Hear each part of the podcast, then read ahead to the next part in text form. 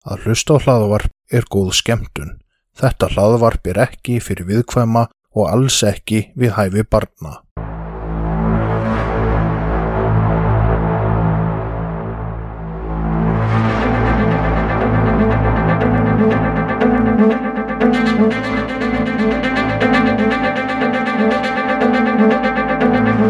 Þetta hlaðvarp er hluti af IK Network. Góða skemmtun. Hæ Safam, velkomin í splungunni að þátt. Og hvort sem það er dagur eða kvöld eða klukkan er eitthvað og veðrið er úti það maður veit ekki, fólk er að hlusta á þetta og kannski með sömnum tíma. Getur við samt ekki sagt bara Hæ, Velkomin í hvað ætli sé að? Ekki hvað, fam það er miklu Hvað litt fam lit fam byrjuðu hvernig er spekkað? Spekka ha, þeir sem eru að hlusta þeir eru spekkuð Og adorbs. Og dorps, já. Ég var að læra fullt af nýjum slettum. Adorbs er samt í Var í búið vinkon okkar. Já, Já, sem Nákvæmlega. segir það oft. Já, Hún lustar alltaf á okkur Þannig ok ég hlusta ekki á okkur. Nei, en herðu já, Hérna, það var eitt sem kom kannski svolítið illa út í síðasta þætti eftir á að hugsa. Ok, hvað var það? Það var Hann Arnar04 á Instagram. Já, Hann er sem sagt ekki fættur 04 nei, Nei, við erum ekki að hvetja konur hér til að atta einhleipum börnum á Instagram. ja, hann er, hann er 35-ish 35-ish, já, ok. já. En þetta, sem sagt, Já, er Nei, hann, hann er ekki 17 nei, hann er ekki 17. Nei, alls ekki, langt því frá sko. Bara gaman að taka það fram. Ok, Af því að, já, nei, við stöðlum ekki að barna, nei nei, nákvæmlega, þetta, hljómaði illa, sko. Eða þú veist, ef einhver skildi það þannig, þá hljómaði það illa.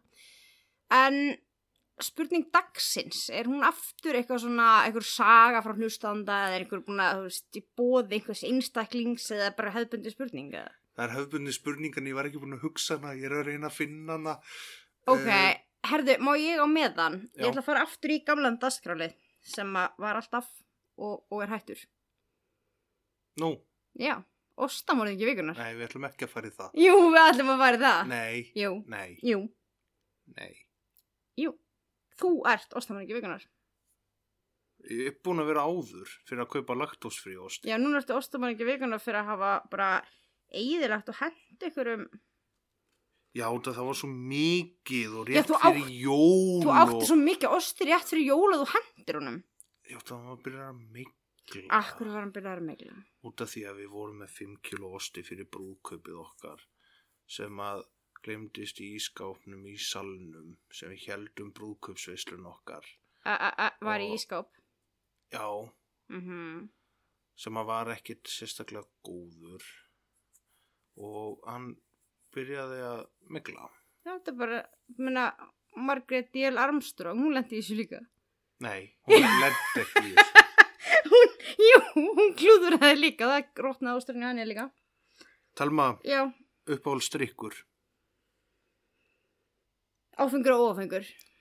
bara uppáhald strikkur Pina colada. ok já, flott gott, einfalt, þægilegt Já, var þetta allt? Ok, Já, það, það var bara spurningu dagsins var uppáhaldstrykkur. ok. En hún þurfti reyndar ekkert að vera mjög merkileg með að við hvað máldagsins er merkilegt. Herðu, já, við settum könnun Mhm. inn á Instagram þar sem að uh, fylgjendur gáttu valið um hvort að það erði raðmórð, mannskvarf, samsæri eða köld og sigurvegari kostningarinnar þetta er náttúrulega svo mikið líðræði hjá okkur líðurinn ræður og líðurinn valdi raðmórðingja Já. En hann maður samt segja frá því að það er mjög gaman með þetta raðmörðingamál að þetta er mál sem að eiginlega bara var til þess að mér langaði fyrst að gera Crime podcast. Ok, en varstu actually búin að hugsa raðmörgja köld? samsæri og mannskvarf til að tala um. Já. Ok, Ég er með alveg, ég er náttúrulega með langan lista af málum. Alveg endalust af málum sem að mér langar að tala um. Og þetta var eitt af því fyrstu sem ég langar að tala um. Og fyrir fyrsta þáttin sem við gáum út, þá var ei rauninni spurningin hvort það erði þetta mál eða Bobbit málið. ok. Af hverju var Bobbit fyrir valinu? Já, bara eitthvað stuði fyrir það, þann daginn. Ok, Langaði líka svo að segja þetta með tippi. já, þú og þín tippi. Það er engin tippi núna. En, en við, við, hérna, við tökum síðan kostningu aftur með hinn þrjú málin sem eftir eru, er það ekki? Hvort það verður kvöld, samsæri eða mannskvarf. Já, líka ef fólki finnst þetta gaman þá getur vel að haft reglulega kostningar. Það er ekkert mál. Já, fólk er, sko það er náttúrulega líka að koma kostningar í haust. Já, fólk að komið í svona þannig að- kostningafíli. Já, þannig að það hérna er um eitt svona, þetta er uppbytun fyrir það. Ég var geðveikt pepp með eitthvað mál og eitthvað ekki spennt og þá byrjað þú að tala um alþingiskostningar Brynjarur. Mhm. Mm -hmm. Ég er spenntur, Fyrir alþingiskostningum. já.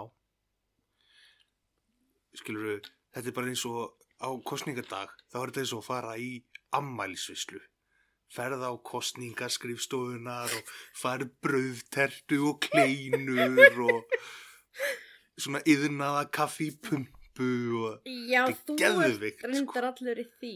Ég, já, ég hefði bara einu sinni farið eitthvað svona kostninga. Það var bara svona kostningavökuparti og vín og svona.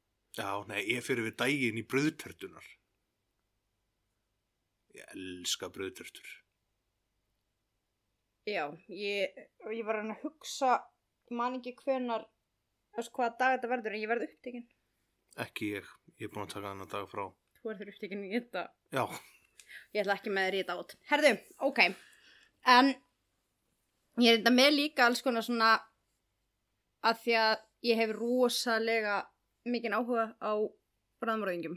Það hef alltaf haft. ha? Já. Já, mér finnst þetta mjög áhugaverðir. Ok, Og mér finnst mjög áhugavert að pæli af hverju einhver verður aðmörðingi og af hverju einhver verður það ekki. mm. Og af hverju verði ég raðmorðingi? af hverju verður þú? Já. Já, þú drefur fleira en tvo. Já, ég meina þegar ég er búin að finna nógu stóran skúr fyrir tanki minn. Af því þú ert veikur. Já. Mjög veikur. Ok, Þú örugglega mjög eðlilegt uppeldi og góða fullskildu og svona það er ekkert sem útskýrir þig nema að það eitthvað mikið að þér. Sko. ok. En, ef að vinda okkur í skemmtilegt ferðalag. Já, herðu, ég ætla að byrja að segja ykkur frá Cleveland í bandaríkunum. Meiri segja East Cleveland. Þannig að East Cleveland, þetta byrjar eins og ógist að leðilegur sögu fyrirlestur, but bear with me, það er point að því að umhverfið hefur áhrif á einstaklingin. En East Cleveland var sjálfstæð borg árið 1911. Messir það? Nei, nei, já, það er náttúrulega fólki mig ekki hrista hausinn. Já, nei. En þar var mikið af stórum og flottum eignum og Rockefeller hús og alls konar. En mest af þessum flottu eignum stóðu við svo kallaðan Millionaires Road. En um 1911 þá var General Electrics með höfuðstöðar og vesmiðju í East Cleveland. Og í East Cleveland þetta voru sko sjö vesmiður. Og það var mikil uppbygging á húsnæði og innviðum og það var allt að gerast. Það var eins og 2007 á Íslandi. En núna, eins og það sé ekki lengur 2007 á Íslandi, nei, ok, kannski ekki alveg sambarlegt, en það er mikil fátakt í Cleveland í dag.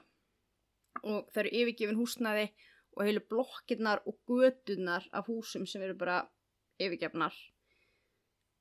En það gerðist eftir að innbyltingin fjaraði út. Þannig að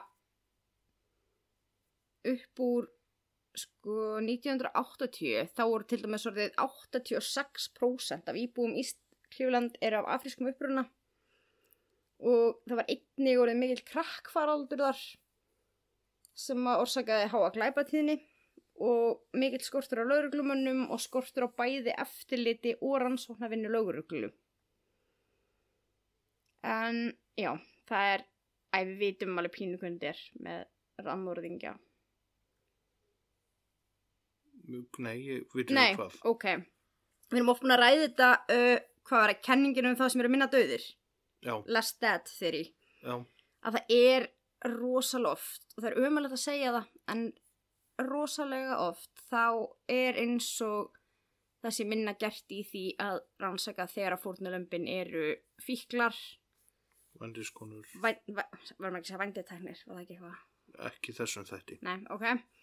Eða eru á afriskum uppruna. Þú veist, leið og fórnalömp er einhvern veginn minni hlutahóp, þá er eins og raðmóringar komist lengur upp með það, sem eru að gera. Já, Það er umulegt en það er satt. já, já, Og þarna erum við með hverfi sem er alltaf stór prósenda af afriskum uppruna, krakkfaraldur, háglæpatíðni, skortur á eftirliti rannsóknarvinni lauruglu og skortur á mönnun. já, það er bara skortur á öllu. Já, þannig að það var kannski svolítið þess vegna sem ég langa að byrja að tala um East Cleveland. En ekki nóg með það, en fjöldamóríkjar hafa samt verið kendir við Cleveland alveg, sko, séðan Cleveland Torso Killer var aktífur þar í kringu 1930. Ok. Hvað draf hann morga? Um, ég man ekki hvað hann draf marga, það voru nú samt ekkert svo rosalega margir held ég. En hann var náttúrulega svolítið þekktur af því að hann, sko, hann köttaði í tvent búkin. Hmm, og það var meiri segja uppi eitthvað svona kenning um að hann hafi myrt Black Dahlia leikonuna ok. en Þú varst að skamma mig fyrir þetta um daginn. Láttu þetta vera. ég var ekki að kroppa ég var að taka, það var hárið Já, ok, allavega þá hérna við getum tekið náttúrulega alveg eitthvað tímann klífan tórsakilur ef einhver vill. En það var ekki bara hann en nýlega bara eftir árið 2000 held ég það var svæði í Cleveland sem er þetta er svona aðeins meira en hálf fermíla. Þetta er ok, þetta er svona cirka 1 ferkilometr það voru allavega þrýr virkir raðmorðingar bara á þeim bletti í Ha? Cleveland já, þrýr virkir. Voru þau á sama tíma þá líka? já, þessu, já, með þeir overlappa Ok, svipuðum tíma í Cleveland ok. 1 ferkilometri cirka, þetta er ekki stór Á, djúl samkeppni lítur að það eru um fornalömpin hjá þeim þá það var krakkfaraldur háglæpa tíðni þrý raðmörðingjar. en þetta er umhverfis að raðmorðingar um, þrýfast í Já, Þannig að, en einn af þeim var Anthony Edward Sowell. En Sowell fættist þann 19. ágúst 1959.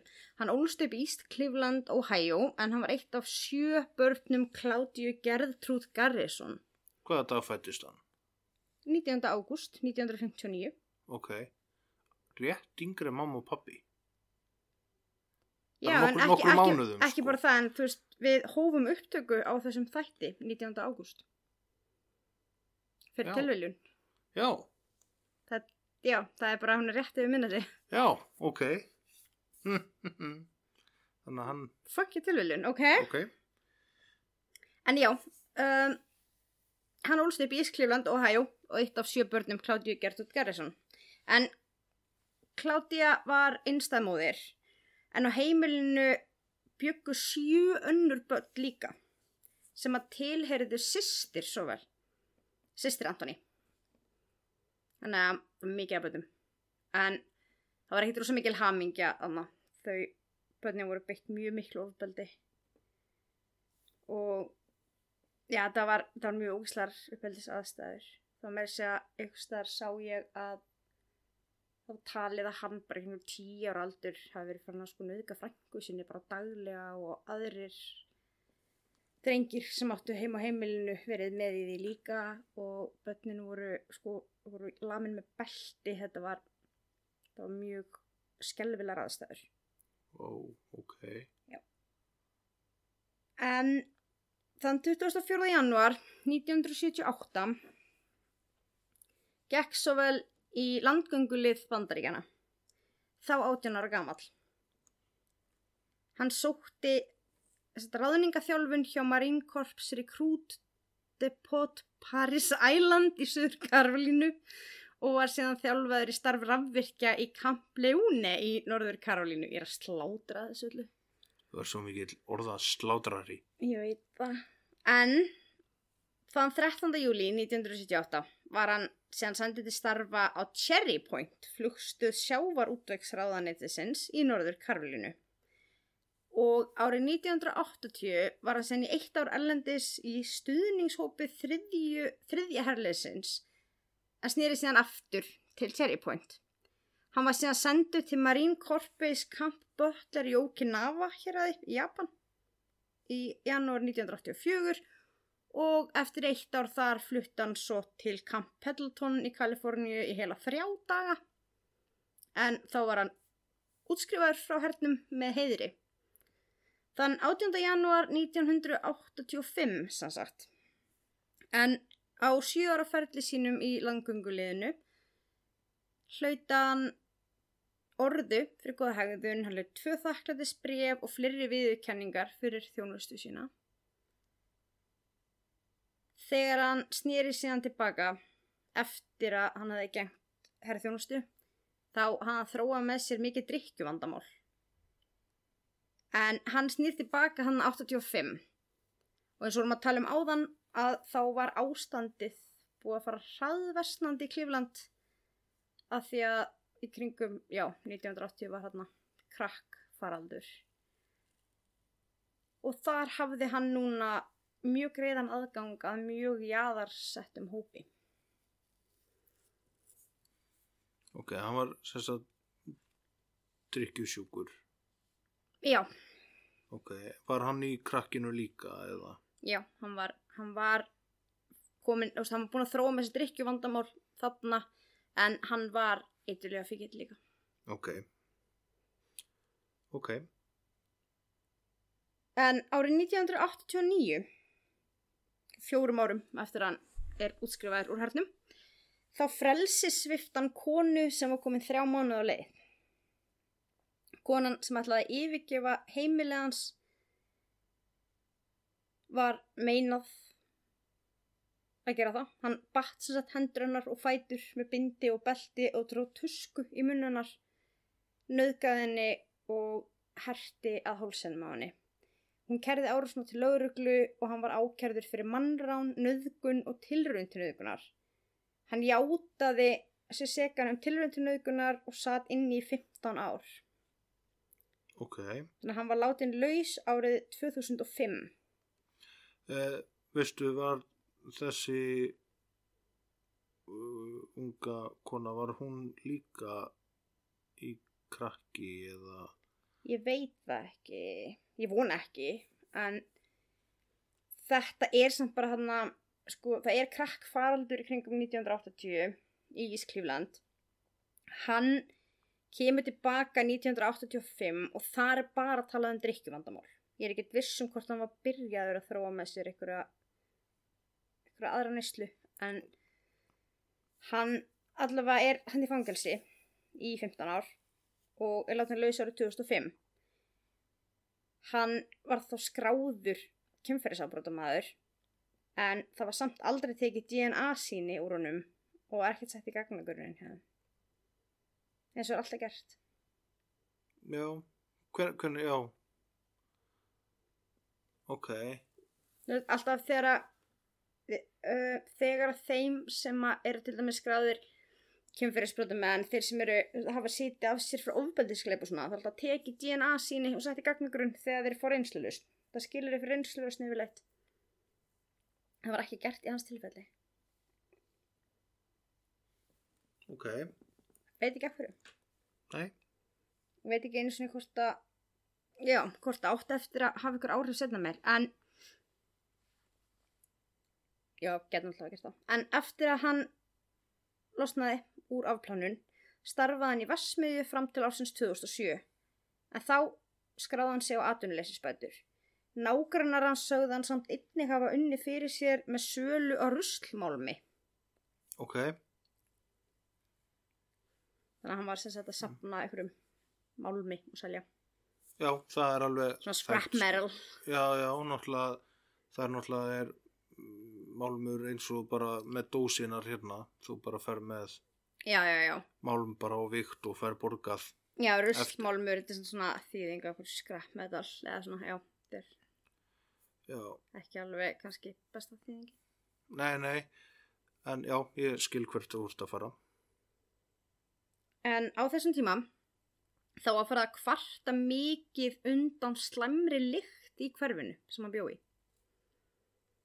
Og heilbriðis yfirvöld fór að kannamálið og það var talið að lyktina mætti rekja til pilsuversmiðu hinum megin við gutuna frá heimili. Svo vel. Heilbriðis yfirvöld fóru þá fram á að eigandi versmiðunar skipti út frárenslislögnum ok, þú ætla kannski pínu að útskýra núna með svona lagnadæmi þetta hefur eitthvað að gera með fit hvað heitir þetta? Fytusíu já, er ekki all... ok, þú verður með pilsugjara en, en sko náttúrulega frá rennslíslagnina það er náttúrulega nafnið segir allt, þetta er náttúrulega frárennslið já, en það frá frárensli er samt það sem við notum fyrir rótþró mm. en er þetta ekki svona En náttúrulega frárensli getur líka náttúrulega verið hérna bara hérna náttúrulega vatnið og þetta sem Já. að fer niður í En ef að þú værir að framlega pilsur í miklu Já. magni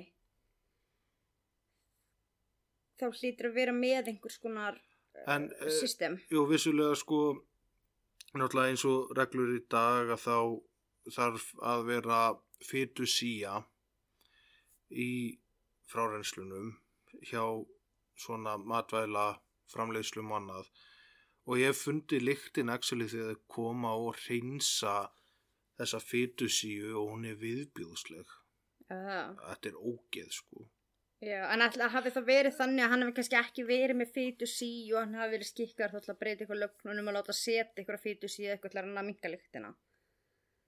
Segðu þú mér Nei, ég, það, ég finn ekki um það. Það Ok. er það sem ég er valda fyrir mér. Hann þurfti Eh, alltaf að, gæti verið að þeir hafa verið aðlaga sig eftir nýjum reglugerðum eða eitthvað þannig já, heilbriðsiföld voru í rauninni bara að reyna að koma í veg fyrir lyktina já, og, lagði þetta bara um hverfi. en, en sko út af því að einmitt eins og þessi fyrir síðan sko maður fann ekkert lyktina fyrir en það var opnað fyrir þannig að eitthvað hlýtur lyktina hafa verið í þessari versmiðu ef að Já, en ekki nema þeir hafi aldrei látið hinsa fytusíuna, hafi ekki verið með fytusíu mm, og það hafi kannski verið eitthvað svona, herru nei, þið lægi þetta, bara við getum ekki, það er ekki hægt að hverfi getur ekki búið við þetta. mm, Ætli það geti, menn að það væri ekki fytusíja, þá hlýta koma ógæslega líktu það ekki. það fer eftir bara mjög mörgu hver fyrir fytan hvar sest hún og svo leiðis Ok, en hypothetically, mm. þá geti þetta orðið næsti líkt út frá svona það er á viðbjóðslega líkt, já Ok, ok. Um, en það breytir samt voðalega lítið. Þó það hefði verið skiptum þessar frárenslislagnir og, og allt þetta lagað til að reyna að koma í veg fyrir lyktina. En, og þetta er sko, þetta er árið 2007. Og það er síðan sko seint árið 2009 að lauruglumenn fór að rannsaka frásög konu um að henni hefði verið nöðgað á heimili Antoni Sóvel. Og þá uppkvöta þeir tvö lík og nýgrafna gröf. En lík fjögura annara kvenna fundust víða um heimili hans. Grafin í grunnri gröf í kjallara og í Æ, svona Vá, crawl space Hvað heitir þetta? Ekki kallari beint, heldur bara svona undir húsinu, svona gemsla undir húsinu, fattur það er kjallari Nei, æ, ekki samt svona í mannhæð heldur bara svona, svona gem, eins og gemslu loft mm. Mm. bara svona undir húsinu bara svona kallari er yfirlega nú getur staðið uppréttur er svona bógin Já, ef þú fer ekki inn að skemmtir endil í, þú veist, þetta er svona, að þú getur geimt hluti og það er bara svona í grunninum á húsinu, það er vel ekkert gólfið en eitt. Mm. Ég meina, það er, ég, þetta er náttúrulega þannig eins og var heima í mömmu og pappa. Það var náttúrulega Já. En maður þurfti að standa Já, það, Bogi. það er crawl space, af því Já. þú ert með basement og svo ertu með crawl space. Ok, Basement er svona, þar sem að þú lappar niður og er svona er svona niðugrafi, þannig kannski með gluggum mjög hátt á og svona kjallara íbúðir. já, já, já, Já. þetta heitir náttúrulega bæði kjallari einhvern veginn í kannski, íslensku máli sko. það er kannski ekki til neitt íslenskt orð. ég held að bæði sé kjallari og Ok, allavega, það var, það var svona mjög Já. lár, lítill, og ég getur ekki sagt bara skriðrými. Jú, Ég ætla að kalla þetta skriðrými. En, já, þannig að það var sem sagt, fundu fyrst tvö lík og nýgrafna gröf, svo funduðu lík fjögra annara kvenna víða um heimilið og líka í grunnri gröf í kjallara og í svona skriðrými. En eftir að hafa grafið upp bakarðinn fundur ansækjendur þrjú lík til viðbótar og líkamsleifar þeirra fjórðu. En lauruglan fann einnig manna, sko, ekki eins og mannabein, það var sérst höfuð kúpa af mannesku í fötu inn í húsinu. ok Þannig að þetta er sem sagt, já, samtals líkamsleifar 11 af 11 manneskum. Þannig að þetta hefur ekki verið í lykt að koma frá pilsuversmiðin eða hvað Mm, nei, ég, nei, það er, já, sem sagt, hann er búin að vera náttúrulega þarna bara í, í einhver ár með lík heima hjá sér, fullt af þeim. Já, þetta hefur þá vantarlega verið nálíkt Já, Oi, já. ok Ekki nálegt, þetta er bara, ró, þú veist, þetta, þetta, er bara eitthvað annað. En fyrsta fórnalambið af 11 var Tónia Karmakól, 53 ára kona sem hafði horfið meir en ári áður. Líki hennar fannst grafið í bakarðinum. Hún virtist hafa verið kyrt en það voru búin kennsla á hana með DNA. Móðurinnar hafði tilkynnt hvarfið á henni í desember 2008 sem sagt. Þetta var hana í lók 2009 sem þetta finnst allt. Annað fórnalambið var Telasja Fortsson, 31 árs kona sem hafði horfið fimm mánuðum fyrr en henni hafði verið sko saknað síðan í júni en móðurinn að tilkynnt ekkert um hún væri horfin fyrir en hún heyrði um líkin. Það frétta umfjöllunina. Ok, En það voru búin kennsla á þrjú líkt viðbútar. Kristal Dossier, 38 ára kona sem hefði horfið í mæ 2007. En hún var sjöbarna móðir með afbróta sögu og sögum fíknirna neslu. Hún bjó hann á svæðinu. Fjölskyldunar hafði tilkynnt hvarfið en þetta var ekkert í fyrsta skipti sem hún hvarf þannig að þeir sökuðu svolítið lögreglunum að hafa ekkert tekið þetta alvarlega. Og það var alveg vandamál gegnum þetta að það hverfa fullt af konum hana ástust bara, og þetta er allt bara konur þú veist og næstu götum. Og lögreglan er bara ekkert að gera neitt. Eins og þarna að, þú veist, að fjölskyldan sem fyrir að drefa myndum og þurft að hafa samband við sjúkrahúsið og eitthvað því löggan er bara ekki að hann er ekki bara fyrir það að fá sér. Ha, hún lítur að skila sér, eitthvað svona. Mm. það er bara gott jam Æ, já, eitthvað svona rugl sko Já, En síðan er það Amelda Hunter, eða Amy, sem var 47 ára snirtifræðingur og þryggjabarna móðir. Hún var á sakaskrá og átti líka sögum fíknefna neyslu, en hún bjó ekki hann á svæðinu reyndar, eins og hinnar. En hún heimsótti svæðið oft. Og það var sama með hann að fjölskylduna tilkynnti ekki einu sinni um hvarfið á henni fyrir henni eftir að lauruglan fór að fjallega líka úr húsinu. Ok. Hanna, já, þetta er svolítið eins og við talaðum með raðmörðingja og þá sem eru minn, minna lifandi og minna dauðir af því að það er einhvern veginn enginn að pæla í að þeim verður að sé saknað eins sorglegt það er. En alltaf já, kannski er í nýslu og, og kannski er að láta sig hverfa út af nýslunni reglulega. Já, En síðan var það Michelle Mason en hún var 45 ára og sást síðast í oktober 2008 hún var einni móðir og eins og fleiri var á sakaskrá og með sögum fíknefnavanda og bjó rétt hjá svo vel. En gögn hafa samt eða sínt að lauruglan virðist hafa gert fullar ansók þegar fjölskylda hennar tilkynnti hvarfið á henni. Þannig að það er eitthvað mismunandi eftir það er greinilega Líkamsleifum kvennana hafði verið komið fyrir í ruslapókum og plastfötum og hent í ýmsa hluti húsins eða garðin. Þessi, þetta var bara eitthvað svona búið að parta sum líkingriðlega eða bútað niður og þess að bara setja í póka og fötur og, og þetta var í garðinum og húsinu og, og eitthvað og mér segja eitt líkið, það var bara eitthvað svona lítið eftir af því, þú veist það fannst ekkert nema höfukúpan í plastfötunni en það voru spitfur á brúnunum á höfukúpunni sem voru ekki eftir mannisku Já, þannig að ég veit ekki alveg hvernig það fór, það var ekki að tala um hann eða átt hundi en svoleiðis eða eitthvað dýr, ég veit ekki.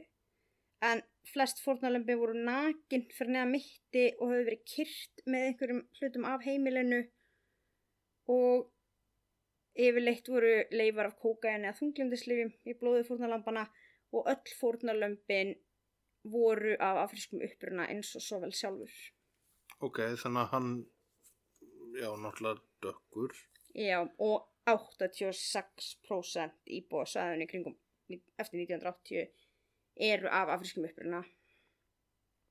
Já, Þannig að kemur svo sem ekkert á óvart. þannig að það er þá annar raðmórðingin sem við tölum um sem er litaður. Já, líka sammeilið. Mm En Sem þeir, var líka með að dreipast eftir kenningunni minna döðir, minna lifandi. já, eins og svo margir aðrir. Mm. Ekki, ekki, ekki Ted Bundy samt. Nei, Og ekki Kemper. Nei. En það sem að er alveg magnað samt við þetta, sko, lyktin hana hefur heldur ekki bara verið af líkunum af því að við erum eiginlega að finna myndir innan úr húsinu hjá honum af því að um, hann þreif ekkert og það var ég sá viðtal við konu sem hefði sloppið frá honum já, hún slapp lifandi og hún tilkynnti til lauruglu og enginn hlustaði á hana. En hún sá hauslust lík í bara út undan sér á leiðinni út úr húsinu. Að hvernig komast hún út, hún náði bara einhvern veginn held ég, að samfæra hann um að bara að myndi enginn trúa henni og hún ætlaði ekki að kæra. Og hún náði bara einhvern veginn að tala í gegn. Hann hann á nöðgæðinni og, og alls konar og hann hlifti henni svo út. Ég veit ekki, Ok, hún verist einhvern veginn hafa bara náð til hans og, og það voru alveg einhver svona tilfelli af einstaklingur sem höfðu sluppið sloppið, hann hafði ekki alltaf myrtar allar en margar þeirra kærði ekki einu sinni af því að lauruglan var aldrei að fara að trúa þeim. Eða þær upplýðu það og kannski sýnir sér alveg að löggan verið svona ekkert voðalega þú veist þegar bara hverfið ángar og 11 konur hortnar þarna og hann er bara með að döður heima hjá sér og engin pæli neinu og það er jafnvel verið mikið fleiri af því að hann hefur mögulega líka verið að losa sig við líkamsleifar í gáma, jafnvel hjá pilsuversmiðunni. og þá rusla gaman að hjá pulsuversmiðinni. Já, ég sagði það, ekki? Ó, sorry. Það þekkti að hlusta. Jú, Ok, já, jú, jú, hjá Ég pilsuversmiðunni. er að hlusta, En- já, jú. En það var ekki bara það. Þetta var líka, hún var ekkert svo eina þessi sem að ég var að tala um svo slapp frá honum. Af því að hann næst náttúrulega hann út af kona sérinni hafa verið nöðgar. Og síðan í rétturhöldurum yfir honum þá var að tala um daginn sem konan fjall út um gluggan. Ha, Já, af því að í eitt skipti þá er hann sem sagt að ráðast á konu og hann, hún öskrar og hann er að reyna að loka öllum gluggunum, þú veist, til að að það berist ekki út öskrin í henni.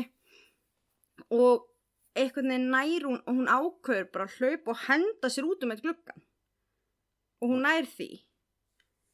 Og nágrannað mér bara eitthvað uh, ok, það er konan sem datt út um gluggan og hann alltaf fyrir út og já nei, úst, engar áhugjur þetta er konan mín, hún var nakin. Bara við vorum að stunda kynli og hún datt út um gluggan ok. uh, ok, og hún er flutt í burtu. Og, og vakna ranka sem vissi bara á spítala. Ok. mm en þetta heldur alltaf bara áfram. Og eitthvað skipti er kona sem að hleypa það svona búðanna líka í gutunni og það er kona sem að hleypur frá honum inn í búðina og segir hérna búðareigandunum að hann hafi ræðist á sig. Og hann bara eitthvað já, neð, það bara eitthvað trúði hann ekkert og leta hann að fá tissjú og bletti sem hann Já, ok. þetta er, þetta er fáránlega hvernig hann komst upp með þetta var endalaust. En þetta var allt og hann, svo hann náður svo mikið að plata þessar konur til að fara með sér heim að því hann saði að hann ætti krakk til að reykja og bjór og já. Þannig að því miður þá virtist hann hafa aðgang að bara endalust mörgum konum og en sko það er búið að gera sér leit í gögnum um týnda einstaklinga frá því í júni 2005 þegar hann losnaði fangelsi og lauruglan í Cleveland hefur líka verið að opna einhver gömul mál frá því sent á nýjunda áratugnum. Eða morð sem að voru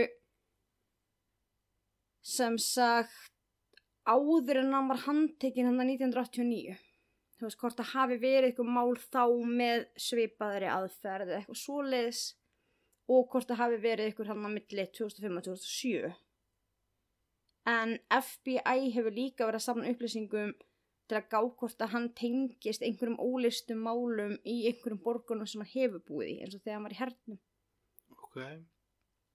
en ég veit ekki til þess að hafa komið neitt út úr því en hann var dæmdur til dauða en hann lést svo úr veikindum þann 8. februar 2021 61 árs og aldrei Sprautaða stól. hann lést úr veikindum Nei, ég er að tala um, var, er ekki svona eitthvað lethal injection eða í stólinn, það er held ég hvergi lengur notaður stól ekki bandaríkjum Hvort myndir þú frekar vilja sprautaða stól? ég myndi vera að sprötu Ok. ég, ég hef ég bara út af því að ég veit hvað er í þeim. Já, Eða, það, það er bara fenobarbitól það er sam og rauninni. þetta er þrjár sprautur þannig að það er, það er ein sem að er kæruleysis og síðan er vöðvaslagandi og fenobarbitól þetta er það er, þetta er bara, já þetta er ekki sásökafullt ég myndi frekar vilja stólinn. það er sárt Já, hverju myndir vilja það? ég veit það ekki. Ég held að það sem mér er töff, skiluru, að sita í stól. þú veist þú mýgur og skýtur á því honum Já, það er hlægir eitthvað til að fara að dreipast. Nei, bara því að það er svo töff Já, en, Já. en líka bara eitthvað, Hitt er svona friðsalla kannski já, fara smá aksjón. Hver var það aftur sem gátt ekki sprautað? Það var einhver sem að þeir reyndu að sprauta, þeir, ég, þeir reyndu klukkutímanu saman og þeir kom aldrei æðalegnum á réttan stað og eitthvað og á endanum var þessu hvort það var hætt við að taka hennar lífi af því að þetta var bara orðið pynting. Mm. Gátt ekki að fengi ekki að halda áfram. Vá, ég þarf að finna það, það var áhugavert. Síðan var náttúrulega Albert Fischer, hann stiktir amastólinn. Nú, Albert Fischer Jú, Albert Fischer, já Hérna, æ, að því hann var hann var búin að vera að tróða alls konar einhverjum málm hlutum pinnum með dóti inn í sig allan mm. og svo kom bara eitthvað skamhlaup og sló allir út já, ok, og hann fótt tvis og sinnum í stólinn ok, Manst ekki hvað Albert Fischer var? Uh, ekki fljóti. Æ, hann að búki með um, Íllverk og góður ítlverkaftur um hann. hann Ná, hérna, líður mann eftir, eftir honum en hann ekki borðaði alveg- börn og svona. Já, ok. og Æ, mannst ekki, hann sendi eitthvað hann að mömmu batsins bref bara eitthvað. I cooked him and he tasted getur bara já. viðbjöður. Síðan er líka svona eins og í hérna grínmæl þar sem hann bleitir ekki svampin áður en hann kveikir á stólunum. Já, ég man ekki eftir því að það er. Nei, það er ekki gott heldur. Nei, ok. Nei. Herðum, en já, en hann sem Þa, sagt það er mjög slemt. var dæmdur til döða. En eins og við veitum, þá tekur það oft til, þetta er ég náttúrulega yfirleitt bara elli eða eitthvað að þeir eru líflætnir yfirleitt á death row. En hann hérna lést, já, úr veikindum 8. februar 2021 og var bara í líknandi meðferð. Þá var hann 61 ás. Ég veit ekki til þess að hann hafi játað á sér neyn önnum morð. En hann var dæmdur fyrir 11 morð. En vissiru að í Cleveland er, er uh, sko frá því 2004 þá eru 61 óupplýst morðmál þar sem konur hafa verið myrtar. Ok, 61 konur og allt óupplýst. það voru náttúrulega þrýr raðmóri gerð þarna á þessum tíma. Já, já, en það er ekki verið að taka inn í fórnalömpin sem er búið að dæma þá fyrir. Það er ennþá á eftir að upplýsa 61 morð. Það er rosalega mikið. Já, það er fáránlegt. Það er fáránlega mikið. En hérna, já, vá, mér svo merkilegt er bara búin að tala um Antoni svo vel að því að þetta er bara, þetta er svo svakalegt mál. En hvernig að hafi verið fyrir lögregluna að koma þá hinn til hans fyrst hann var ekkert að þrýfa eða neitt svoleiðis?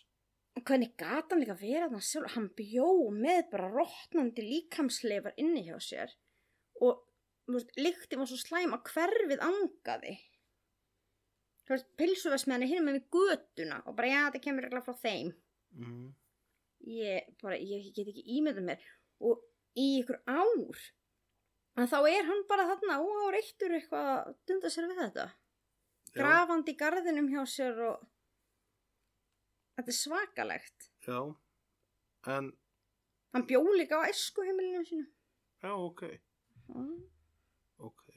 Það sem er náttúrulega ekki góða minningar frá fyrir. Nei, reyndar ekki. En hvað ætli að hafi verið að honum? Hann var ráðmóringi. Já, hvað er orsök og afliðingar? Hvað náttúrulega- því að hann fór þessa braut? Það er ekki hægt að segja af hverju ykkur er ráðmóringi. En hann er náttúrulega, hann er kynferðis afbrótamaður, náttúrulega. Fyrst og fremst einhvern veginn. Já, Og svo- náttúrulega nöðgar hann, flestum. hann nöðgar öll, já, og margar sem hann nöðgar og myrti ekki þannig að það er spurning hvort að þetta snerist um að nást ekki aftur af því að náðist mástu og var í 15 ári fangilsi Mm. eða um hvað snið ég veit það ekki hann talan hafi verið farin að nöðga náttúrulega bara hann eitthvað frængu sem hann var bann sjálfur. Já, og hann, hann elst upp við alveg sjúklegar aðstæður. Þetta er ógæslar heimilisaðstæður hjá hann og við vitum að flestir aðmóringar eiga það sameinlegt að hafa upp við mjög slemar aðstæður. Ofti talað um höfuðhögg. Ég, ég fann rosalega lítið um Antoni svo vel hann hann þetta fjekk nafnið Cleveland Strangler en það er það er rosalega lítið um hann. Mm. Örgulega bara því hann passar ekki í hennar kassa að vera miðaldra hvítur kallmaður eða eða kallmaður um myndið 30 og 40 seklus. já ekki í eh, Kaliforníu eða Flórida. Já, náttúrulega fátöku hverfi í Cleveland. Þannig að, já, ég veit ekki, það er rosalega erfitt að finna mikið af svona litlum upplýsingum um hann en hann átti náttúrulega umlega ösku og svo er þetta oft talað um það að það sé eitthvað við erðir fólks að sumir búa við ömulegar aðstæður sem börn og ger ekki flugum einn. Og jáfnvel bara að þá betri einstaklingar en aðrir og meðan sumir enda svona. Og núna er náttúrulega hann á sex sískinni og ég svo viðtali bróðir hans og bróðir hans bara skilur ekkert í þessu. Þannig að en hann alltaf líka, já þetta er, þetta er svo flókið alltaf svo margþætti vandi að hann alltaf líka fíkil örglega jafnvel með eitthvað trama eftir stríð veit ekki Ok. mjög marg sem maður getur spilað inn í. Já, en mér varst allavega áhugavert með svona aðstæður og umhverfið að hann er náttúrulega bara þetta er svona uppskriftin að umhverfi sem að raðmóringi myndi velja sér Já. eins og mannstu Cecil Hotel Mm. að þar náttúrulega voru bara einhverjir hérna, Richard Ramirez hafi búið þar og, og svona það að gera Já, jú, jú, bjóðar á meðan hann var að. Já, af því að, en þar ertu líka með þetta svo sama, þetta verður svona svona fólk sem að, En það var kannski ekki svona beint. jaðarsettur hópur. Já. Það er náttúrulega ekki beint hótelið þar sem að valdi það er náttúrulega meira þeir var bara eitthvað svona skýta hótel þar sem við gar sleikt herbergi til lengri tíma og Já, var allt í svona En hópurinn Rest þar var, hópur. já, hópurinn þar var, voru jaðarsettir einstaklingar með fíkni vandamál og svoleiðis. Mm. En, já, þá held ég að við séum bara búin að tala um The Cleveland Strangler. Ok. Skemmtileg mál. Já, en það er hægt að finna hvað hétu þættinir. Það er þáttur á Netflix um Antoni Sovel sem að er bara sturlaður. Ég vil að mæla með að fólk horfa á hann. Það er hérna Vá, hvað hétu þættinir? Húsið á sléttunni. Já, hús á sléttunni. Nei, úi. Hérna, nei, en það var þáttur, mér minnir hvort að þátturinn hét Nightmare on Elm Street eða eitthvað, en þetta er allavega, serían er hérna Inside of the Mind, Inside the Mind of a Serial Killer. Og þetta er á Netflix. Ok. Þannig að, já, þar er, hann er, er eitt þáttur bara um hann og þar er verið að tala við eins og fórnalamb sem slapp og hana. Ok. Mjög áhugavert. En svo var líka gerð bíómynd um hann sem heitir Unseen, en ég hef ekki séð hana. Ok. Er það næsta bíókvöld hjá okkur? Já, ég held að. Mm. En ef að taka fréttahótt, var ekki verið að byggja um það? Jú. Ég er mega til í það og áður en við byrjum á því þá minnum við á e-verslun þar sem er eitthvað Herðu, já. haustilbúð núna er það ekki eitthvað Já, svona sumarloka tilbúð. Það er nefnilega smá breyting. Það er ekki lengur 10% afsláttur í byli fyrir hlustendur hvað það sé að. Af því þeir eru bara með eitthvað mega tilbúð. Það er sem sagt rafgemar í ramasvaspur á 22.900 minni mig. það hefði gjöfin ekki gjald Það er talsverst ódýrara heldur en allt annað sem að ég veit um allavega. Já, en ég trúi því að það sé ódýrast sem að finnst hérna. En já, þannig að á meðan það er það náttúrulega kannski gildir ekki tilbúð hlustenda ofan á einu tilbúð nei, nákvæmlega. En það er á meðan byrðir endast í einhver tíma verður þetta tilbúð hjá þeim. Þannig að enda tjekkið þið á e-vasslun á Facebook. Og það er líka leikur í gangi sem að áheld ég að fara að draga úr fljótlega og það er hægt að taka aðra og líka, líka við síðuna deila pústunum og þá getur fólk átt möguleika að vinna frían. Frítt svona geimasett Já. Þetta, um, já, en má ég koma þá núna með fréttaðni? já, nú máttu koma með það. Nú má ég koma með það. Já, Mér fannst þess að það hefur eitthvað annað sem að ég hefði átt að greina frá í þessum þætti Þannig að það er ekkert meir um auðlýsingar hérna. En í síðustu viku þá var kona handtekinn í New York fyrir að hafa falið lík meðleganda sinns. ok Af hverju Jáp. faldum það? En herri, hún Stephanie Hilburn, 43 ára, Mm, hefur verið ákærð fyrir að fela sko hún gæti fengi alltaf í fjagra ára fangelsi fyrir að fela lík meðleganda en sem sagt Patricia Barter 62 ára lést á heimili sínu fjóðan 14. februar af ofstórum skamta eitulifja og hún átti þess að tvo meðlegendur sem ákvaða að fela bara líki til að geta haldið áfram að djamma. Ok, af því að það hefði stoppað partíið eitthvað til hvers að stoppa gott partí. Já, það er bara ef hún er dáin, herðu, við slum bara lóka henni inn til hennar. Jep, en Ok. sem sagt, já, það, já, það er máli, en það voru tvær sem að leiguðu með henni og hinn er ekki búin að fá á sig ákjöru, en það er búist við að verði báðar ákjörðar og þetta kom ekki einu svona í ljós fyrir en að það er einhver sem byður um svona welfare check, hvað heitir það aftur? Svona að aðtóa með manneskinu bara. Já, Og það er alltaf hvað til dýra og sem við spurtum Patricia Barter og þá eitthvað, já, að vera eitthvað svona, eða svona stressaðar og ákveða svo bara sína löggunni og þá var hann bara búin að vera dáan hann einhverja daga. ok. Þannig að já, ekkert stoppaði þetta partí. Það stoppar ekkert gott partí. Greinilega ekki. En síðan var annað í trúkræðum fréttum var að blag þjálfari sem að heldur úti podcasti sem heitir Let's Talk Trauma sem að þýðir, já, tölum um áföll, eitthvað hefur verið ásökuð um kynferðslega misnokkun á batni.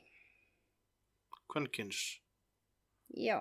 sem sagt blag uh, þjálfarinn, já. sem sagt, hún heitir Elisabeth Bredmeier held ég, Bredmeier, Bredmeier kann ekki að byrja það fram en hún er 21 ás og hefur verið ákjærð fyrir kynferðslega samniti með satt, batni undir löðri en hún er ásökuð um að hafa áreitt 17 ára gamla nefnanda kynferðslega í Richmond Christian School þar sem að hún þjálfar blaglið Ok, en hérna ok sko eh, það- hún er með eitthvað podcast sem að tala um trama og þjálfar volleyball, eitthvað svona kristilegum skóla og eitthvað mm. þannig að já, hún greinlega kannski ekki öll það sem að hún var séð nei, það er oft hannig. En já, þetta var svona nýjasta Í fréttum var þetta helst. í frétt, trúkræmfréttum var þetta helst þetta er svona, það sem ég, já, mér varst þetta mjög skondið mál með hennan herbyggisfélaga Mhm. og hitt er eitthvað svona sem ég held að gæti alveg orðið komið eitthvað meira í ljós með Já. Er það þó eitthvað meira í bili? Nei, ekki nema bara takk fyrir okkur, takk fyrir að hlusta og bara gaman hverju margir svona að like okkur á Instagram Það heitir að follow á Instagram. já, followa á Instagram Já, sorry, fyl- Fylgja. sorry, tæni tóti Já. já, fylgja okkur á Instagram Mm Þú lækar á Facebook. Já. Herðu, við erum samt alveg langt frá því að ná Mumford. Mumford er með, sko, Mumford sé þetta eftir 700 fylgjendur á Instagram. Já. Ha, þannig að ef þið viljið fylgjast með lífi Mumfordar, við Inga vorum nefnilega að pæla í þessu með Mumford, sko. Hvort að Mumford gæti orðið svona míniseleb á Íslandi. Já. Gengur það ekki vel hjá honum? Ekki á Íslandi, ég veit ekki. Já, nei, náttúrulega meira, meira erlendis. Já, en, en það, er, það er gaman aðeins. Já. Herðu, já, bara takk fyrir okkur. Takk fyrir okkur og já, sjáum síðar.